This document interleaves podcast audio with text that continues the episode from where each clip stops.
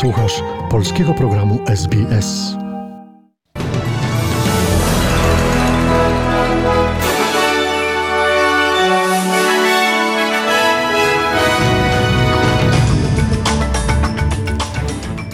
Przed mikrofonem Anna Zadurska. Oto najważniejsze wiadomości dnia w środę 9 grudnia.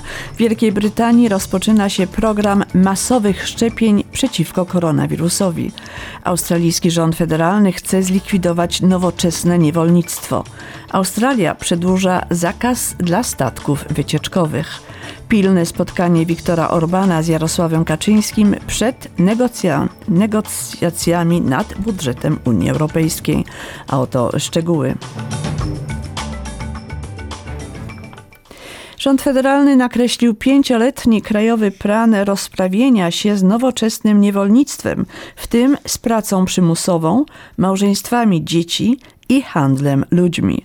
Australijska ustawa o współczesnym niewolnictwie, uchwalona w grudniu 2018 roku, nakłada na wszystkie firmy o rocznych obchodach w wysokości 100 milionów dolarów obowiązkowy obowiązek publikowania co roku oświadczeń o współczesnym niewolnictwie. Wiceminister do spraw bezpieczeństwa społeczności Jason Wood mówi, że w ciągu najbliższych pięciu lat 10,6 miliona dolarów zostanie przeznaczone na zapewnienie przestrzegania przez firmy przepisów dotyczących usuwania niewolnictwa z łańcuchów dostaw i ochrony ofiar. We're going to look at our own procurement practices to make sure people aren't exploited um,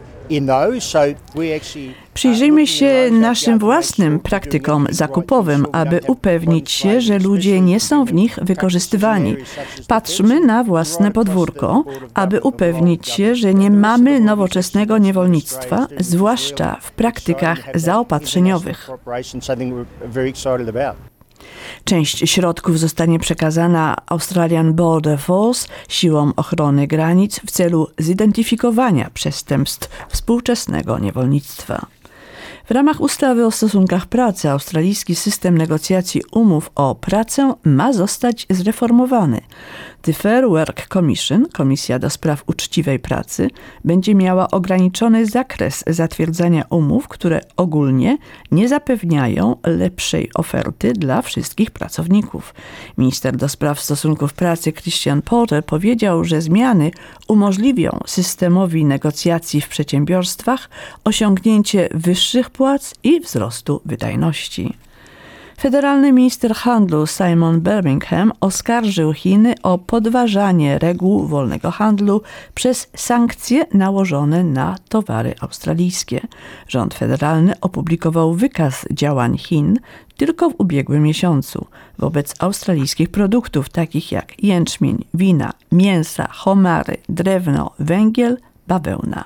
Minister e, Birmingham wyraził obawy, że Chiny nie przestrzegają zasad Światowej Organizacji Handlu. Minister twierdzi, że rząd jest nadal zaangażowany w prowadzenie dialogu i konstruktywne stosunki z Chinami. Właściciel największej australijskiej farmy mlecznej położonej w północno-zachodniej części Tasmanii Van Derry Group, dawniej Moon Lake Investments, może zostać zmuszony do zapłacenia poprzednim właścicielom farmy 2,3 miliona dolarów po rzekomym złamaniu umowy sprzedaży. Chiński biznesmen Jiang Feng Lu, obecny właściciel farmy mlecznej, kontrowersyjnie kupił ją za 280 milionów dolarów w 2016 roku po przebiciu na aukcji wszystkich australijskich konkurentów. Transakcja została zatwierdzona z zastrzeżeniem obietnic złożonych przez pana Lu, aby zainwestować w biznes i zwiększyć lokalne zatrudnienie. Tymczasem pod nowym kierownictwem farmę nękały bunt pracowników, rezygnacja całego zarządu i obawy o dobrostan zwierząt. Wielkiej Brytanii rozpoczyna się program masowych szczepień przeciwko koronawirusowi. Pierwsza w historii kobieta, która otrzymała zatwierdzoną szczepionkę przeciwko koronawirusowi, była Margaret Kinan. Więcej dla informacyjnej agencji radiowej Adam Dąbrowski. Pani Margaret jest dziś globalną gwiazdą. 90-year-old Margaret Keenan. Jej imię i nazwisko padło też w Izbie Gmin. Coventry, A clinically authorized vaccine for COVID-19. Today marks Dziś rozpoczyna się kontratak przeciwko naszemu wspólnemu wrogowi koronawirusowi. Dziś można świętować, ale przed nami jeszcze wiele pracy, ale przed nami jeszcze wiele pracy. To minister zdrowia Matt Hancock, a profesor Karol Sikora, były dyrektor programu onkologicznego w Światowej Organizacji Zdrowia, mówi mi, to dopiero początek końca. Triumf nauki i ludzki wysiłek trzeba jeszcze umieć wykorzystać.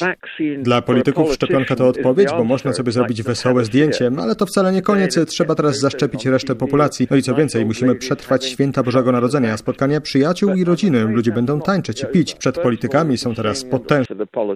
Do końca roku w Królestwie zostanie zrobionych 800 tysięcy zastrzyków. Szczepionka składa się z dwóch dawek. Adam Dąbrowski, Londyn. Wiktorii, e, w Wiktorii w Australii minął 40 dzień bez nowych przypadków koronawirusa. Nie odnotowano także żadnego zgonu. Zmodernizowany program stanowej kwarantanny hotelowej został wznowiony w tym tygodniu od poniedziałku, aby podróżujący z zagranicy mogli spędzić 14 dni w izolacji. Po raz pierwszy od czerwca Wiktoria przyjmuje międzynarodowe loty. Przewidzianych jest 1120 przylotów tygodniowo stopniowo. Ze względu na ryzyko koronawirusa za granicą, Australia przedłuża na kolejne trzy miesiące zakaz dla statków wycieczkowych. Rozszerza się również pewne ograniczenia dotyczące międzynarodowych podróży zagranicznych. Zawieszenie rejsów krajowych i międzynarodowych miało się zakończyć w tym tygodniu, ale potrwa do połowy marca.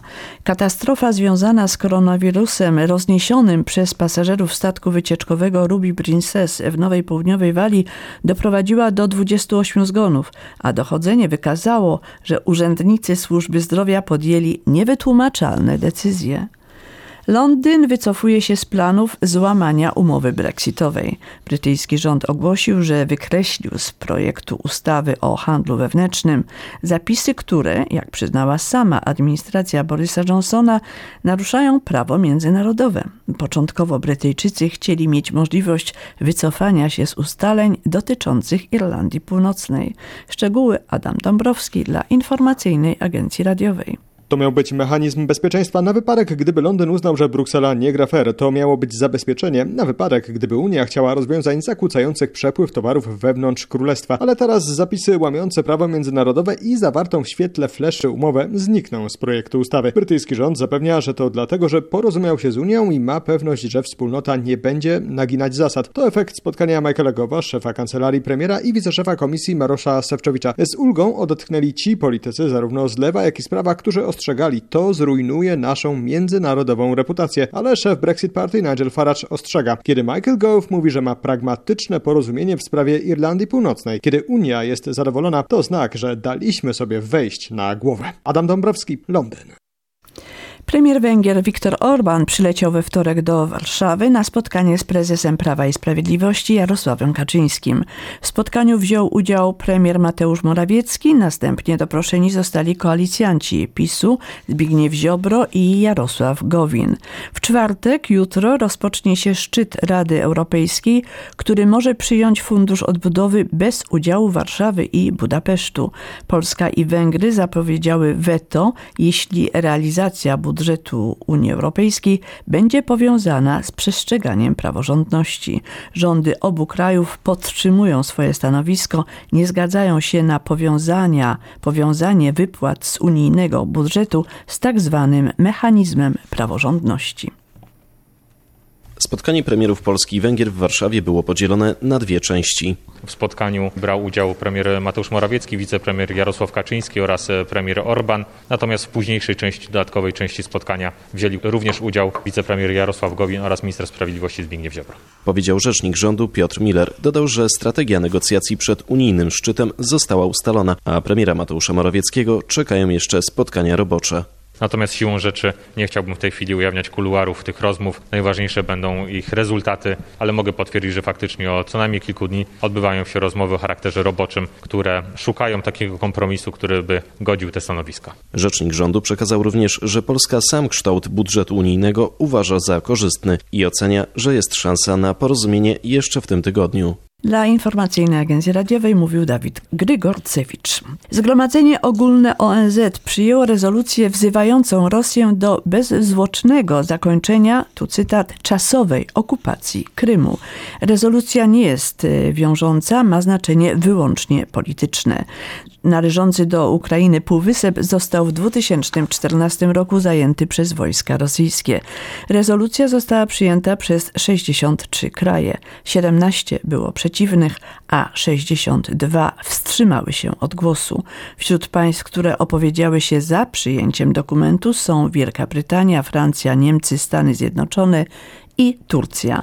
W rezolucji mowa jest m.in. o destabilizacji Krymu przez Federację Rosyjską wskutek umieszczania tam zaawansowanych systemów uzbrojenia, w tym samolotów i pocisków zdolnych do przenoszenia broni nuklearnej, amunicji i personelu wojskowego. Wenecja znowu znalazła się pod wodą. Miasto zalała tak zwana aqua alta, czyli wysoka woda, bo nie zadziałał system barier tamy Mojżesz.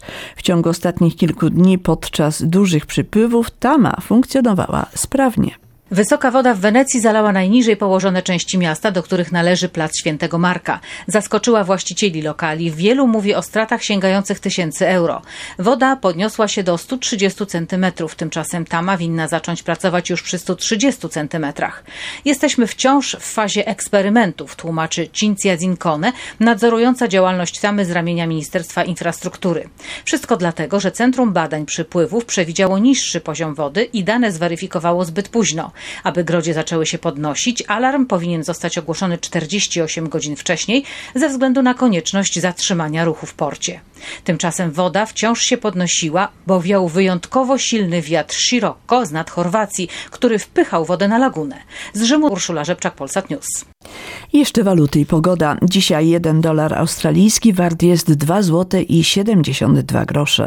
Pogoda na jutro dla stolic stanowych. W Perth może padać, a nawet może być burza. Maksymalnie 37 stopni. W Adelaide będzie częściowe zachmurzenie, maksymalnie 25 stopni. W Melbourne zapowiedziane są przelotne opady, maksymalnie 18 stopni. W Hobart ma być pochmurno i 16 stopni. W Canberrze deszczowo 27 stopni. W Sydney może wieczorem padać 27 stopni.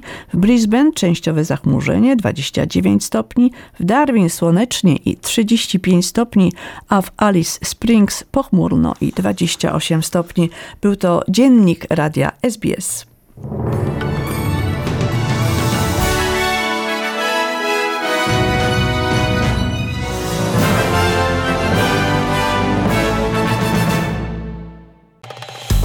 Polub nas na Facebooku, udostępnij innym, skomentuj, bądź z nami na polskim Facebooku SBS.